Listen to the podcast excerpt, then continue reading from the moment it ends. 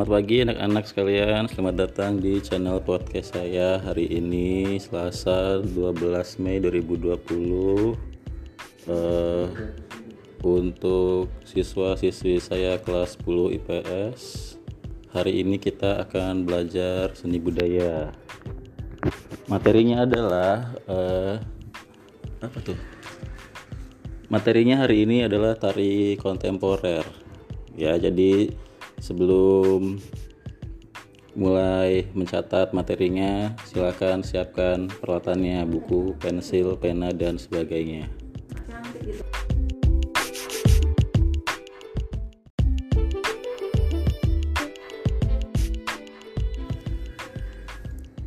Oke anak-anak kita lanjut ya eh, Di antara kalian semua ada yang punya TikTok apa enggak? Kira-kira sudah ada yang sering nonton TikTok yang ada orang uh, ngedance ngedance ala ala dengan durasi satu menit yang pakai musiknya musik siapa ya? Uh, Justin Bieber segala macam itu. Nah uh, yang kalian tonton di TikTok itu adalah bagian dari ciri-ciri uh, tari kontemporer jadi eh, tari kontemporer itu adalah eh, bisa dibilang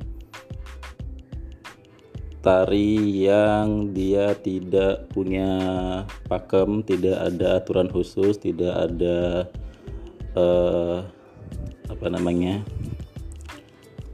gak ada apa ya? Tidak ada klasifikasi tertentu, jadi dia sifatnya kekinian. Pernah kita pelajari itu bahwa tari itu terdiri dari empat jenis. Ada yang tari primitif ada tari tradisional ada tari klasik ada tari modern. Kalau primitif itu tarian yang eh, berkembang di eh, masa-masa eh, prasejarah kalau tari tradisional itu yang berkembang di masyarakat yang sifatnya dia selalu menunjukkan eh, tradisi suatu daerah. Kalau klasik itu dia tarian yang berkembang di wilayah atau di eh, apa namanya wilayah istana atau tari tari keraton lah gitu ya. Nah kalau modern itu kan tari yang berkembang di era modern. Nah kontemporer ini adalah uh, jenis tari yang dia terlepas dari empat jenis tari sebelumnya. Jadi kalau kontemporer itu misalkan kalau kita melepaskan uh, pengertiannya dari tari kontemporer itu adalah uh, misalkan kalian nih punya ide terus kalian mau menuangkan idenya dengan gaya kalian tanpa harus mengikuti gaya orang lain. Nah itu kontemporer namanya. Jadi uh, sifatnya itu uh, unik gitu. Nah di dunia tari kontemporer itu adalah istilahnya itu genre tarian yang cukup apa ya diminati oleh banyak orang karena dia tidak tidak ada pakem khusus. Jadi kalau kalau nari kontemporer itu mau kamu geraknya jumpalitan itu gak masalah. Beda dengan tari klasik kalau gak sesuai pakemnya salah nggak boleh. Atau tari tradisional kalau nggak sesuai dengan uh, petunjuknya atau uh, ritme geraknya nggak boleh. Bahkan tari modern sekalipun atau dance itu kan ada tata ada caranya ada um, tekniknya. Kalau nggak sesuai dengan tekniknya ya nggak bisa dibilang modern dance atau dance gitu. Nah kalau kontemporer enggak kalau kontemporer itu dia terlepas dari segala macam bentuk tata cara, teknik, prosedur dan uh, bisa dibilang uh, menggebrak fungsi dari atau uh, tujuan dari orang menari. Kebanyakan kalau kontemporer itu orang menari hanya untuk sebagai sarana ekspresi saja, beda dengan tarian yang lain. Kalau kayak primitif itu kan kebanyakan uh, untuk sarana uh, spiritual. Kalau klasik kan untuk uh, apa namanya seremonial di misalkan di istana atau di acara tertentu. Nah, kalau kontemporer enggak. Dia tidak terikat dengan waktu tidak terikat dengan prosedur dan teknik dan segala macamnya seperti itu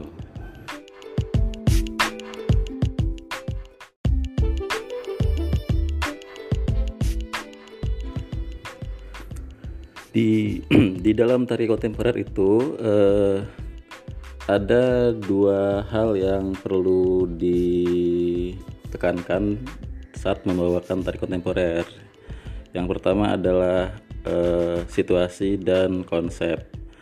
Yang dimaksud dengan situasi di sini adalah uh, karena kontemporer ini dia tidak terikat dengan hal-hal tadi yang saya sebutkan, maka dia uh, lebih cenderung menyesuaikan terhadap situasi dari uh, atau keadaan di sekitarnya. Jadi misalkan contohnya kalau ada orang denger lagu terus joget nah dia jogetnya tuh nggak nggak nggak apa ya asal gitu loh sesu, sesuka hati dia spontan keluar dari diri dia sendiri tanpa ada panduan tanpa ada uh, apa namanya uh, tanpa ada ritme yang jelas nah itu bisa dibilang dia sudah kontemporer dan sifatnya spontan Nah, ada juga yang dia melalui uh, proses yang namanya pencarian atau penggarapan. Nah, ini dia kontemporer yang ini itu lebih cenderung kepada uh, tarian yang dia benar-benar digarap sedemikian rupa dengan tidak hanya bertujuan untuk mengekspresikan diri Nah, yang kedua adalah konsep. Konsep di sini maksudnya karena kita menari kontemporer itu tidak ada tidak ada pakem-pakem khusus dan teknik khusus, tetapi di kontemporer ini eh, setiap penari kontemporer itu dituntut harus memiliki eh, fondasi jelas. Dia walaupun narinya asal-asal tapi ada maksudnya enggak nah lebih kepada lebih kepada menonjolkan tujuan dari dia menari atau maksud yang ter yang tersirat dari gerakan-gerakan yang dia bawakan walaupun tidak sesuai atau tidak ada pakem atau teknik tertentu seperti itu bedanya ya kalau yang pertama tadi spontan kalau yang ini tidak spontan dan lebih uh, apa namanya uh, tertata gitu. Nah, di kalau di kalangan para seniman tari kontemporer ini adalah uh, istilahnya itu kalau kita sudah hatam tradisi klasik, primitif, modern dance, kalau sudah hatam semuanya maka kita uh, bisa dibilang akan mudah untuk membuat suatu tari kontemporer. Karena kita sudah uh, apa namanya menguasai eh, teknik-teknik tari sebelumnya seperti itu. Di tari kontemporer sendiri tidak ada yang namanya uh, bergerak itu salah atau bergerak itu jelek. Yang penting kalau di kontemporer itu kita menari atau bergerak itu e, maksimal. Dan tidak tidak ada yang namanya malu.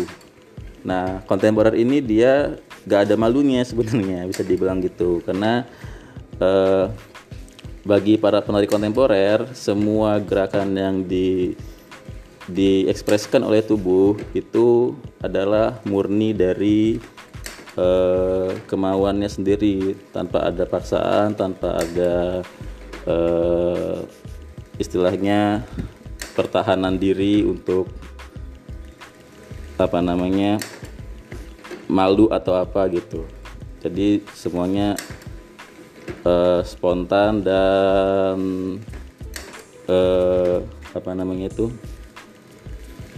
hmm, maksimal seperti itu.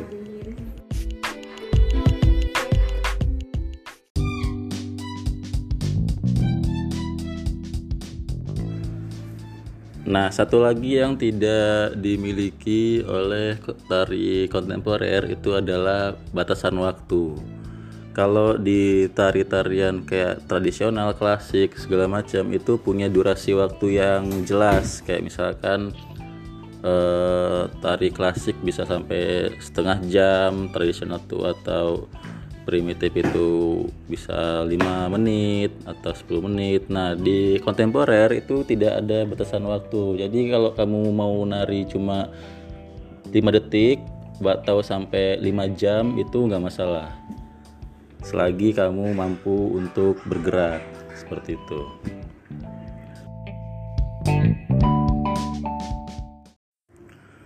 Begitu juga halnya dengan e, iringan musik dan uh, busana. Berbeda dengan klasik atau tradisional itu ada musik yang pakem ada busana pakem. Kalau di kontemporer nggak ada. Kamu mau menari pakai musik apa pun boleh tidak masalah. Mau pakai kostum apa pun bahkan nggak pakai kostum pun nggak masalah. Selama uh, uh, apa namanya kamu dari kontemporer. Intinya di tari kontemporer ini adalah gerakan-gerakan uh, yang di yang dibuat oleh penari itu uh, benar-benar spontan dan uh, maksimal dan juga dia lebih menekankan pada yang namanya ritme gerak ketimbang pelengkap-pelengkap tarinya lain-lain kayak musik, busana, kostum segala macam itu nggak penting. Nah, intinya di kontemporer ini yang di, yang diutamakan adalah uh, gerak seperti itu.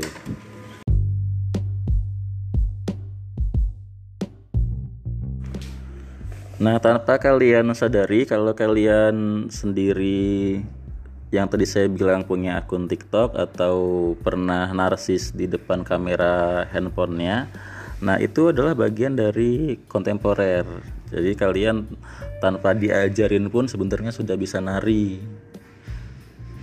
Seperti itu. Dan kalau kalian mau uh, tahu lebih banyak tentang contoh-contoh tari kontemporer kalian bisa searching aja di YouTube atau di TikTok atau di mana lah ya. Pokoknya kalau tarian itu dia tidak ada unsur-unsur tradisinya atau klasiknya dan dia lebih spontan nah itu sudah kontemporer. Berbeda dengan tari modern dance atau uh, break dance segala macam itu bukan kontemporer tapi itu tari modern.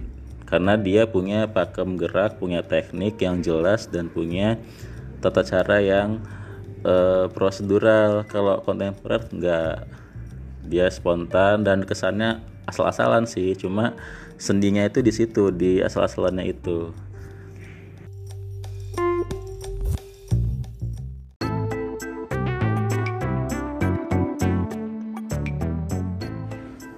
Nah, anak-anak itu tadi materinya untuk hari ini. Silakan ditulis di buku catatan seperti biasa di foto kirim ke WA saya.